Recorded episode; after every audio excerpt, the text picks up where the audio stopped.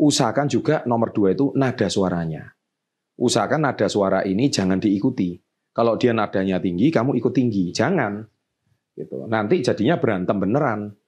Ya kan? Terus masalahnya ketika kamu menghadapi orang yang lebih muda, problemnya adalah kita ini egonya kita, harga dirinya kita ini terpukul. Kenapa? Kita merasa lebih tua. Kamu lebih muda kok marah-marah sama saya, sopan santunmu di mana gitu. Nah, oke okay, kita diem dulu. Ya, jadi kita berusaha untuk pahami dulu. Ketika kita berusaha untuk pahami, kita diem dulu.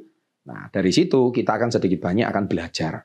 Ya. Nah, itu yang pertama. Yang kedua, cara menghadapi kalau dia seusia dengan kita. Nah, kalau kita seusia dengan kita, nah ini kan biasanya egonya juga tinggi kan apa? Lu tahu apa sih? Gitu lah. Ya kan uh, hidup juga nggak nggak nggak lama-lama amat gitu ceritanya. Pengalaman juga nggak banyak-banyak amat. Nah sering kali ego kita mau berbicara seperti itu. Kita kalau misalkan hal terberat di dalam menghadapi orang yang marah-marah adalah mendengar. Ya, saya ulangi ya, tuliskan itu di kolom komen menit keberapa. Ketika Pak kita menghadapi orang yang marah-marah adalah kita berusaha meredam dengan mendengar. Karena mendengar itu sesuatu yang pekerjaan yang paling berat. Karena itu butuh untuk pengendalian diri. Ya, apalagi kalau kita itu mendengar sesuatu yang kita tidak suka dengar. Sesuatu yang menyakiti perasaan kita. Sesuatu yang sering kali malah mau menghancurkan harga diri kita. Tidak enak memang. Tetapi dalam hidup ini kita tidak bisa dengar yang enak aja.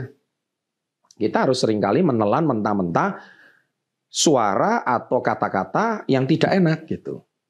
Nah, jadi tuliskan di kolom komen siapa yang pernah pengalaman menghadapi orang marah-marah seperti ini seumuran. Tips saya satu, hitung dulu 30 detik baru bicara. Jadi Anda harus diam, banyak mendengar. Jadi jangan dia ngomong lima kata, Anda balas 10 kata, nggak cocok. Tidak ada ketemu sebuah perbincangan yang uh, selesai.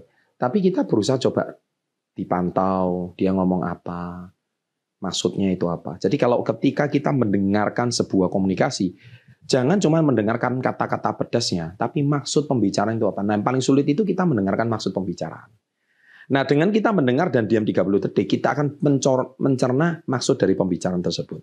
Oke? Itu yang tipe manusia yang kedua.